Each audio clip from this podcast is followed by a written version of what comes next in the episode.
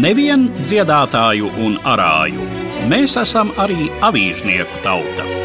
Vai mūsu pirmā atmoda iedomājama bez Pēterburgas avīzēm, mūsu pirmās neatkarības desmitgades bez jaunākajām ziņām un atpūtas, mūsu neatkarības atgūšana bez laikraksta atmoda?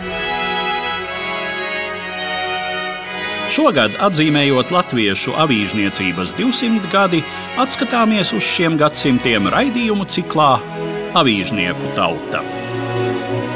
Eduarda Liniņa sarunas par latviešu drukātās preses vēsturi katra mēneša priekšpēdējā ceturtdienā pēc pulksten trījiem.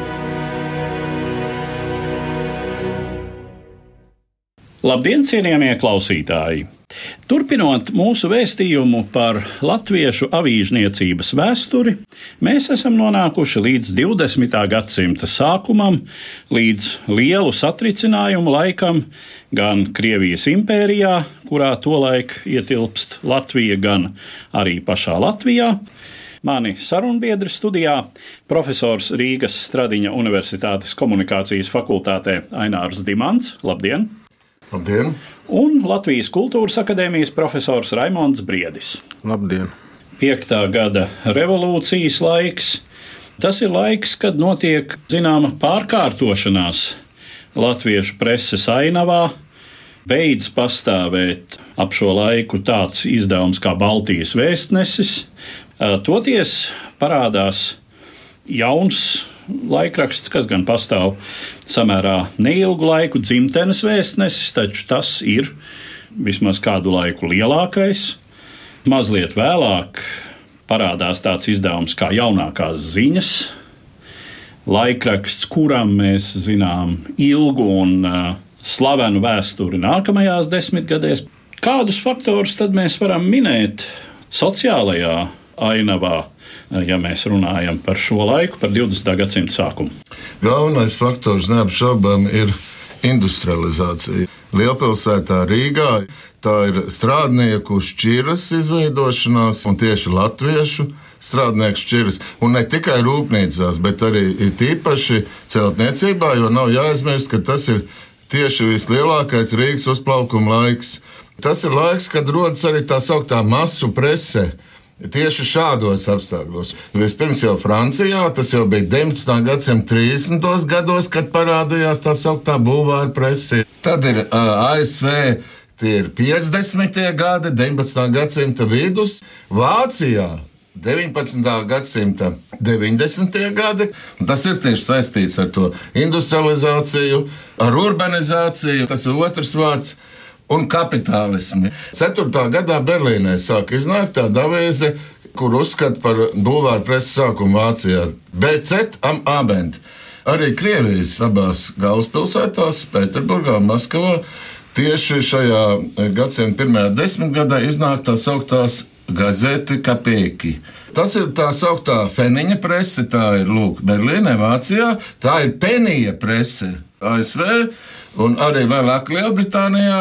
Mums ir kapeikas avīze. Jaunākās ziņas ir tā kapeikas avīze, kas rodas 11. gadā, bet pirms tam jau ir cits stāsts. Ir laikraksts cīņa. Sociāldemokrātisku izdevumu legāli nevarēja laist klajā.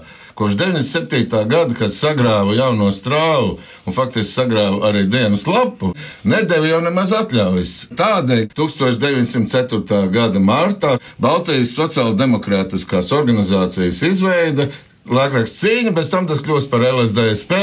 Sociāldemokrātiskās partijas izdevumu jau tajā pašā 4. gadā jūnijā. Un tad nāk 5. gads. Un tajā 5. gadā faktiski cīņa iznāk brīvi. Proti, ignorējot cenzūru, revolūcijas apstākļos. Cenzūra gan nav īstenībā atcelta. Tur gan bija tas caur manifests, kas solīja to atcelt, un vēlāk arī tiešām tika ieviesta pēccenzūra iepriekšējās cenzūras vietā. Bet cīņa tolaik. Septembrī 5. gadā 12,000 abonentu Un uh, gada beigās ir uh, rēķina 18,000 tirāži. Bija diezgan liels pieprasījums. Sociāldemokrātiskā partija ir divi spārni, tā sauktie mazinieki un lielnieki, bet joprojām tā ir viena partija, un tas ir arī šis partijas izdevums. Un tad ir ļoti svarīgi, ka šī avīze iznāk arī kur? Briselē. Ir pieci gadi apmēram, kad iznāk ja? Jāņa Jansona Brauna vadībā. Oficiāli, starp citu, par avīzi atbildīgais ir sociāliskās internacionāls biroja vadītājs tāds Kamils Hismans. Un bija arī franču valodā apakštituls. Nu, tad tur pārceļās arī uz Bostonu, mazliet Londonā. Tas ir tieši mazinieciskais periods, kā sevišķi padomu laikā uzsvēra, ka cīņa bija nogājusi no ceļa, tā sakot. Ja? E, nu, bija tāds grāmatas, tieši tā arī saucās cīņas, slavenās gaitas un citas, ja? ar cīņu cīņā. E, e, un tur tieši bija uzsvērts, ka Lūk, Jāņa Jansona Brauna vadībā Tur bija kaut kāds oportunisms, sakot, un novirze no leņķiniskā ceļa. Kaut gan tai pašai cīņai tieši Leņķins ir devis arī slavenu oriģinālu rakstu cīņas jubilejas numuram, un arī dažu runu atreferējumu pirmoreiz. Un vienīgi latviešu valodā publicēta laikrakstā cīņa, kā galvenais un primārais šo runu avots šis laikraksts. Nu, tas tā vēsturiski interesanti. No pagātnes preses lapusēm. No raksta Karš, nelegālās avīzes cīņa pirmajā numurā 1904. gada 1. martā. Pēdējos gadus cara valdība tik daudz grāba svešus zemes gabalus Rītāzijā, būvēja cietokšņus un dzelzceļus kara nolūkiem, Pēc starptautiska nolīguma solījās pērn oktobrī Manģūriju atstāt Ķīnai, bet šo nolīgumu, protams, lauza. Tā meloja un vilcināja, un pa to laiku tikai sūtīja zaldātus uz Korejas robežām, līdz Japāņi bija spiesti kara darbus sākt. Aplamā netaisnā Krievijas laupīšanas politika saņem tagad pelnītos spērienus. Uz galīgu uzvaru Krievijai nav ko cerēt šai karā. Japāna ved karu pie pašu mājas durvīm. Zaldātus, kara materiālu, proviantu un citu tā var piegādāt pēc vajadzības drīzākā laikā, kamēr mums viss jārūta prom desmit tūkstošu verstas tālu. Pāris mēnešus jau velkas karš, un ne mazāko uzvaru Krievija nevar uzrādīt. No Korejas krievu karapulki iztriekti ārā, flote pa lielākajai daļai sadragāta, Portartūras pilsēta gluži sagrauta no Japāņu lodēm. Valdības slēpj patiesās ziņas no kara lauka, bet daudz kas jau nāk gaismā. Izrādās, ka kara sākumā viss, kas trūcis, šaujamā materiāla nebija pietiekami daudz, vai atkal tas nekur nederēja. Proviantam vajadzējis atrasties lielā daudzumā, bet tas no krievu činavniekiem bijis izzakts un izpārdots. Daudz zaldātu apsaluši, jo trūcis siltu apģērba gabalu. Valdība izdod pāri par 400 miljonu rubļu gadā priekš kara vajadzībām, bet kara laikā tai nav ko savus zaldātus pietiekoši apģērbt un apgādāt. Japāņu lodis jau neraidīs tik daudz nāvē, kā taisni pašu valdības nolaidība. Augstums, bats un sērgas pļaus zaldātus zemē rindām. Melnās bakas tagad plosās Sibīrijas pilsētās un nometnēs, ar asinsērgu slimo karaspēka nodaļās, kolēra, tīfs, druģi. Visi šie nāves viesi vēl gaidāmi. Viens milzu kaps būs Manžūrijas smiltis, kur simtu tūkstošas spirktas dzīvības tiks samaltas uz cara pavēli. Tie ir tas, ka ir lūk, avīzes strādniekiem jaunākās ziņas, kā liberāls izdevums. Eh, strādniekiem es teikšu, sīkpilsoņiem tā varētu raksturot. Nemantīgajām šķirām. Sacīsim tā, jā. Un pretī ir šis sociāldemokrātiskais izdevums. Tad Antons Beņemiņš savu neatkarīgu avīzi jaunākās ziņas izdeva zināmā mērā kā pretmetu, lai strādnieki neaiziet pa sociālo demokrātisko ceļu, bet paliek uz liberālā. Nu, un, protams, ir liberālais laikraksts dzimtenes vēstnesis, kas jau arī ir e, jauns izdevuma tips faktiski latviešu presē, jo tas pamatā savus ieņēmumus bāzē nevis uz pārdošanu, bet uz jau uz sludinājumiem un uz reklāmu. Tāpat kā līdzīgi darīja mazliet citādā, vairāk tādā bulvāra avīzes stilā no sākuma jaunākās ziņas, bet arī bāzējās galvenokārt ne uz pārdošanu. Cena bija viszemākā latviešu presē, to laiku viena kapeka tikai. Trīs reizes mazāka nekā konkurentiem. Un arī nebija tiešā konkurence. Tie, kas lasīja dzimtenes vēstes, tiem nebija domāts jaunākās ziņas sākumā. Nevelti sauca tādu tipu Vācijā, kā dzimtenes vēstnesis sauc par inteliģents blati. No vienas puses tad balstījās uz sludinājumiem šādi izdevumi, jau un reklāmu savos ieņēmumos, bet tai pašā laikā bija faktiski uz vidusšķiru orientēta avīze, teiksim, arī zināmā mērā ar intelektuālismu, kā var teikt, ambīciju. Kas nu nebija raksturīgs sākotnēji jaunākajām ziņām, bet sākotnēji jaunākās ziņas ir diezgan tipiski bulvāra avīze, arī, teiksim, uzsākot, ko viņi tur drukai fantomos, visu.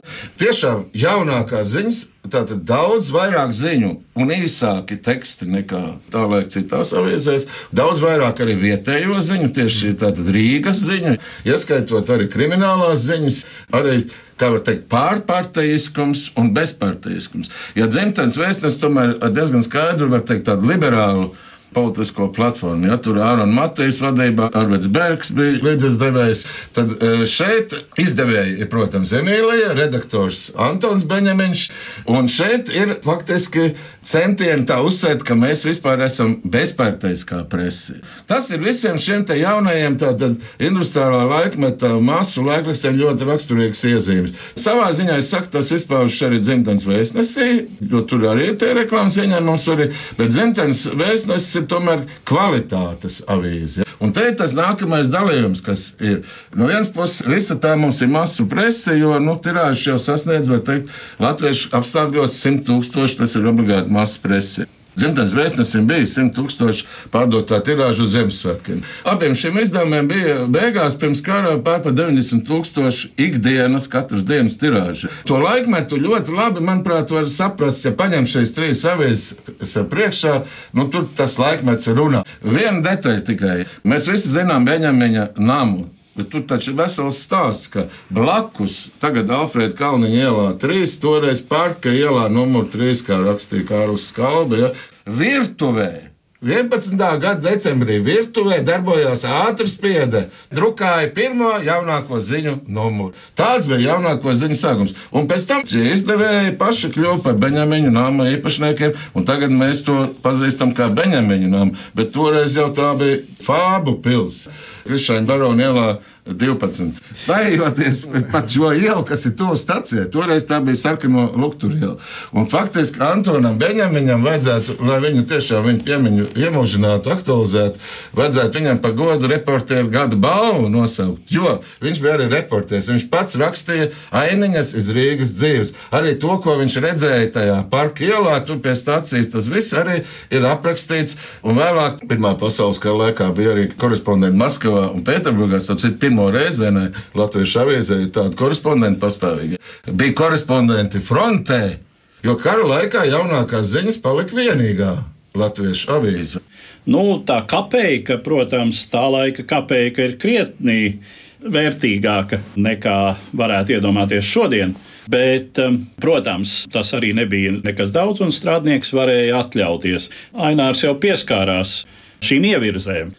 Jaunākās ziņas, kuras arī tomēr savā ievirzē bija par strādnieku situācijas aktualizēšanu. Sociāli liberāls izdevums. Jā, sociāli liberāls. Jā. Bet, uh, protams, cīņu legāliem līdzekļiem par īsāku darba dienu, lielāku darba algu un tā tālāk. Un tā tālāk. Tāda ievirze. Un arī nacionālais piebildīšu, starp citu, arī par latviešu valodas tiesībām, par latviešu interesēm pārstāvniecību Rīgas domē, jo tāds virziens arī. Nu, un tad, protams, šī nelegālā tevis arī aprakstītā partijas presa cīņa, kurai arī mēs zinām pēc tam ilgu ilgu vēsturi, un faktiski laikam pirmoreiz mēs šī raidījuma ietvaros runājam par izdevumu, kurš cauri daudzām metamorfozām ir sasniedzis mūsdienas, jo, nu, kā zināms, neatkarīgā rītā vīza, kas joprojām iznāk, Tā ir kādreiz neatkarīgā cīņa, kura pirms tam bija Latvijas kompartijas centrāla komitejas orgāns cīņa. Cik Jā. nu viņi šodien šo vēsturi grib, grib atcerēties? tā ir tā, tā sauktā postkomunistiskā prese. Nebaidoši šī vārda, neatkarīgā arī tāpēc ir tipisks piemērs, jo te ir tā radniecība tik uzskatāma. Tieši organizatoriskā pēctecība arī var teikt. Interesanti, cik cīņu lasīja, teiksim, tajos 11. gados. Tad, kad viņi retu nelegāli liela izdevuma. Tad viņi lasa kaut kādu noteiktu partijas lokā, bet viņiem nav vairs tas lasītājs, kas bijis 5. gadā. Tieši tā, viņi kļuva pazīstami tieši arī plašāk 5. gadā un saruka, protams. Tā tirāža tur ir maksimums, man liekas, bet dati par 10. gadu tur ir runa par kādiem 500 tūkstošiem tirāžu samēram. Pamatā visdrīzāk lasīja trimdinieku aprindas to brīdi, kas ir Eiropā, Amerikā. Nu, un tad cik nu varēja pār robežai iešmugulēt. Jā, jo vēda ar kuģiem, ar kuģiem, ar citu vēda no Glāzgovas, drukāja tā Briselē, Londonā, Bostonā. Un tad ar kuģiem veda uz Krievijas impēriju, uz Rīgas ostas, uz Liepājas ostu. Laiks pēc 1905. gada ir raksturīgs arī ar vēl vienu fenomenu, kas ir salīdzinoši liels, literāri, zināmā mērā ideoloģisks bet eh, ļoti noteikti estētiski orientētas eh, periodikas iznākšana. Tie ir literārie žurnāli, zelktis, dzelme, domas. Kas ir arī līdz tam, eh, Raimond, tu piekritīsi, tāds uh, nebijis fenomens Latvijas kultūras jā, jā, es māšu ar galvenu, es piekritīšu, jo te, manuprāt, ir ļoti līdzīga tā situācija, kā tika runāts par cīņu piektais gads aprauga vislielos izdevumus. Mēs tiešām runājam, ka teiksim, tagad 20 gadus ir iznācis austrums un 10 gadus ir iznācis mājasviešu mēnešraksts, kas bija tādi lielie biezie literāri izdevumi. Kur pulcējās dažādi autori, mazliet ievirzīti vienu vairāk realistisku, otru vairāk orientējuši uz moderno literatūru. Un piektais gads aprauj, tad tur var just, ka pretstatā tam, ka lasītāji ir daudz, tad tie notikumi ir tie, kuri vairs šos izdevumus neļauj turpināt. Un tas, ko mēs jau runājam, kas mainījās, koncesijas, kuras vairs nav nepieciešamas, un atļauju, tad var iespējams reģistrēt policijā un izdot izdevumu, un pēc cenzūra. Tad cenzūra tiek pakļauts izdots izdevums, kas var atbilst kapitālismam ļoti izdevīgi cenzēt ar uh, naudu, kur ieguldīt izdevumā. Cenzē izdevēju, nevis cenzē vairs tikai autori. Tad izdevējs ir spiests atbildēt par autoriem. Un tad ir tas īsais posms, kurā pastāv ļoti daudz īslaicīgi dažādu grupu izdevumu, literāri izdevumi, kas tiešām pirmo reizi jau piedāvā sākotnēji kā tāds literārs un politikas izdevums, tātad atsaucoties uz aktualitāti. Un otrs, eh, tad, kad parādās žurnālā, kur tiešām ir veltīts viss, kas tur ir publicēts, un viņu noformējums ir tāds literatūras un mākslas izdevums.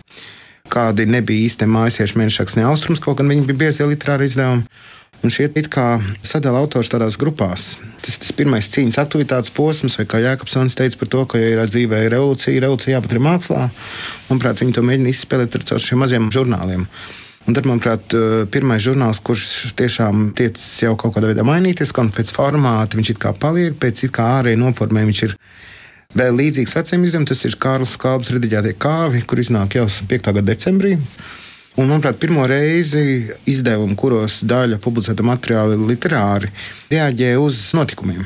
Viņi grib būt aktuāli, aktīvi tajā visā darbībā. Mēs atceramies to kā vākt, tur kā vākt arī ir Valdemāra Zeltiņa zīmētie lielie mākoņi, kas atkal maina mazliet to latviešu augsto horizontu, paceļ zemāk un uzliek debesis ar kāviem un ar visu to, ko kā var nozīmēt. Pēc divām būtnēm tiek aizliegts kalbi, mazliet izbraucis, nu tad emigrē uz Šveici, atgriežas un un izdod kā turpinājumu izdevumu, kas ir ziemas naktis, kur jau viņš reaģē arī jau tā ticība vairs nav tik liela tam, kas notiek. Viņš ierauga arī to, kā revolūcija pērk pārdod, vai ka viņš saka, jau padara par elku. Tad saglabāja šo vāku zīmējumu. Tas pats izdevums. Noformējums viens un tas pats, vārdi mainās. Kā ir tie, kurās vēl apvienojas literatūra un publicistika, par kurām cieši skalbi, skalbi pēc tam tiek tiesāts par šo pirmo numuru kurā ir eh, viņa paša raksts Krievijas revolūcija, kur viņš runā par to, ka Krievijai jābūt arī garīgai revolūcijai. Un par Antona Austriņa tādu dzējojumu debesīs par revolūcijas laiku Krievijā, kur Eņģēlis Gabriels no debesīm komentē, kas notiek 5. gada situācijā. Protams, viņš tur mazliet uzkāpjas kājas pareizticīgo baznīcai. Tas kalpo par iemeslu, kādēļ žurnāls tiek aizliegts un kādēļ skābers tiek vajāts pēc tam, arī vēl pēc ziemas naktīm, kad arī tās tiek aizliegtas. Un tad līdz tam jau 6. gada janvārī iznāk otrs izdevums, kas tiešām ir tas, kurš maina formātu, kurš maina noformējumu. Un kas iepriekš ir bijis tāds atsevišķs jūgenda rotājums, kur iznāk akurāti ar pret sauli, kas ir lielais formāts, tāds plāns žurnāls liels formāts, kur ir trīs krāsu numuri. Tur ir brūnais, dzeltenais, ne, brūnais zaļais un, un, un zilais, manuprāt, numurs. Ar visām mazām speciāli zīmētajām viņetēm, ar tekstiem, kur ir krietni izaicinoši arī no tāda mākslas viedokļa, kur tiešām jau tas vairs nav tāds mēģinājums māksliniekiem aktīviem būt uz āru, bet drīzāk nu, tajā mākslas telpā būt kur ienāk jau tie autori, kuri ir būtiski jaunai paudzei, nu, bezmazliet komplektā. Tur ir, tur ir Vailds, Vitmens, Nīčes viens no pirmiem tādiem oriģinālu tulkojumiem, kas būs tā šīs paudzes, teiksim, rokas grāmata. Un pēc pirmā numura akurāti ir arestē, un viņa darbu turpināja Jānis Jansudrabiņš. Tur parādās vairāk mazliet mākslas.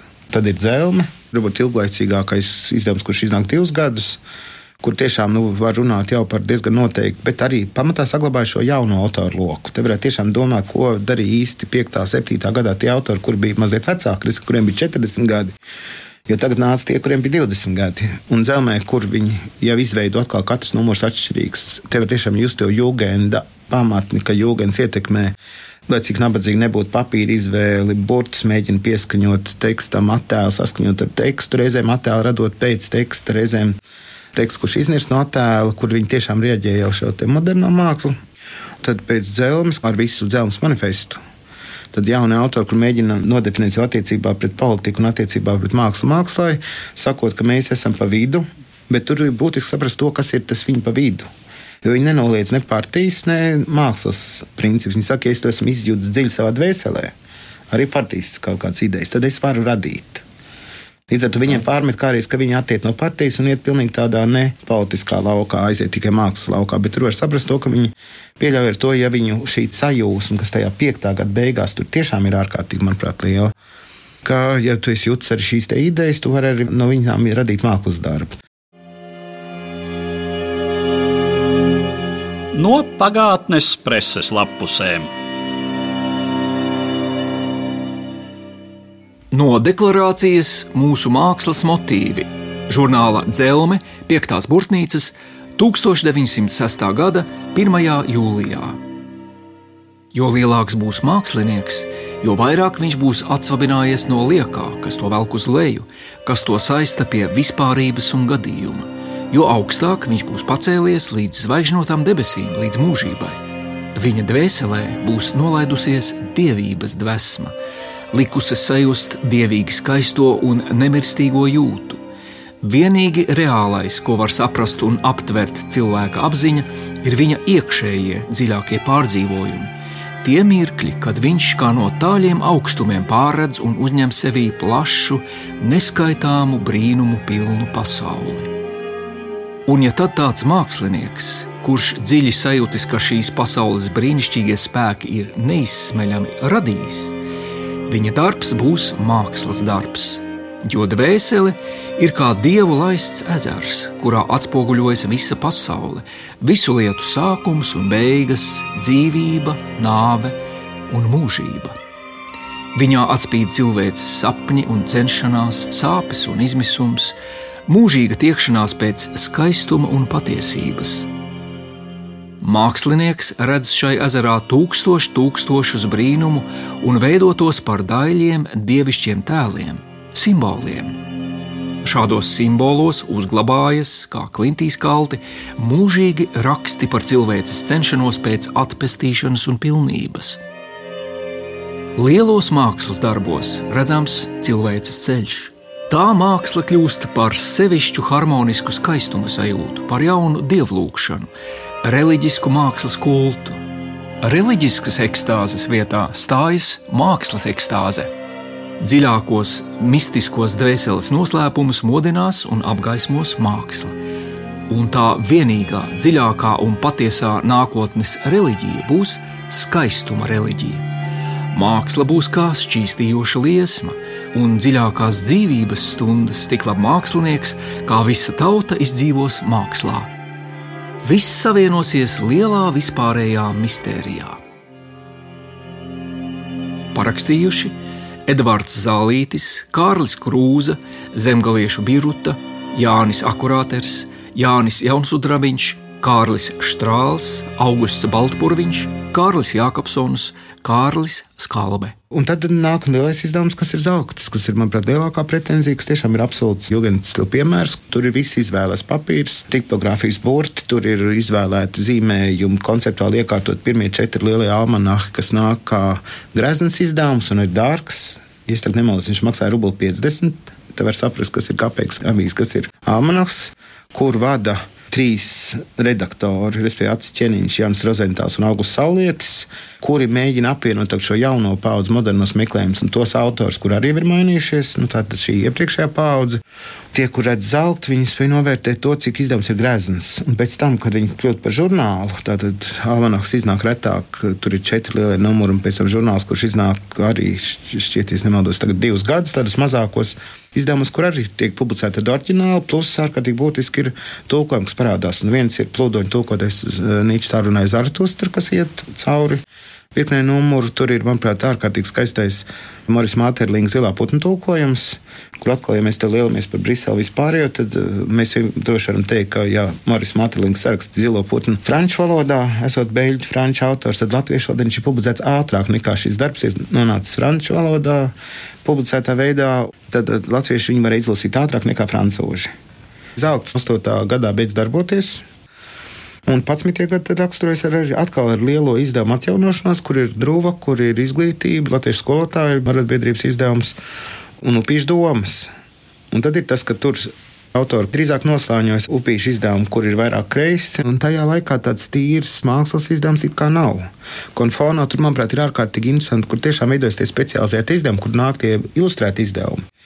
Arī tā atpūta, ko izdod Beņāmiņš sākumā, kur ir spogulis un satīriskā presa. Un tur arī tajā sākumā, kad ir dzelzs laiks, ir arī svari. Manuprāt, ar mežonīgi skaistām ilustrācijām, ja tur darbojas visi jaunie tā brīža mākslinieki, kas zīmē vispārējo tendenci ziņā, ko šis laiks ir atstājis. Es domāju, ka pirmkārt tas ir tiešām šis dalījums tādā vairāk teiksim, sociāli liberālā virzienā. Sociālās idejas tālāk attīstība, kas sākās jau ar dienas lapu. Ja? Un uh, otrs ir tas, arī nacionāla liberālā doma nostiprinās.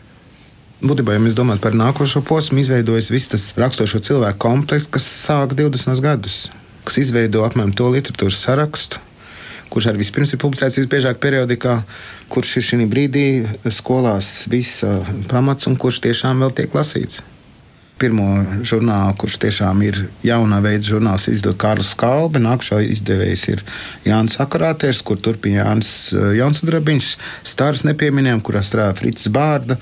Būtībā tas ir tas cilvēku komplekss, kas ir nu, tas zelta fonds. Ar to es arī noslēdzu mūsu šodienas sarunu un vēstījumu par latviešu drukāto presi 20. gadsimta sākumā un saku paldies maniem sarunbiedriem profesoram Rīgas Stradiņu Universitātes komunikācijas fakultātē Aināram Dimantam un Latvijas Kultūras akadēmijas profesoram Raimondam Briedim.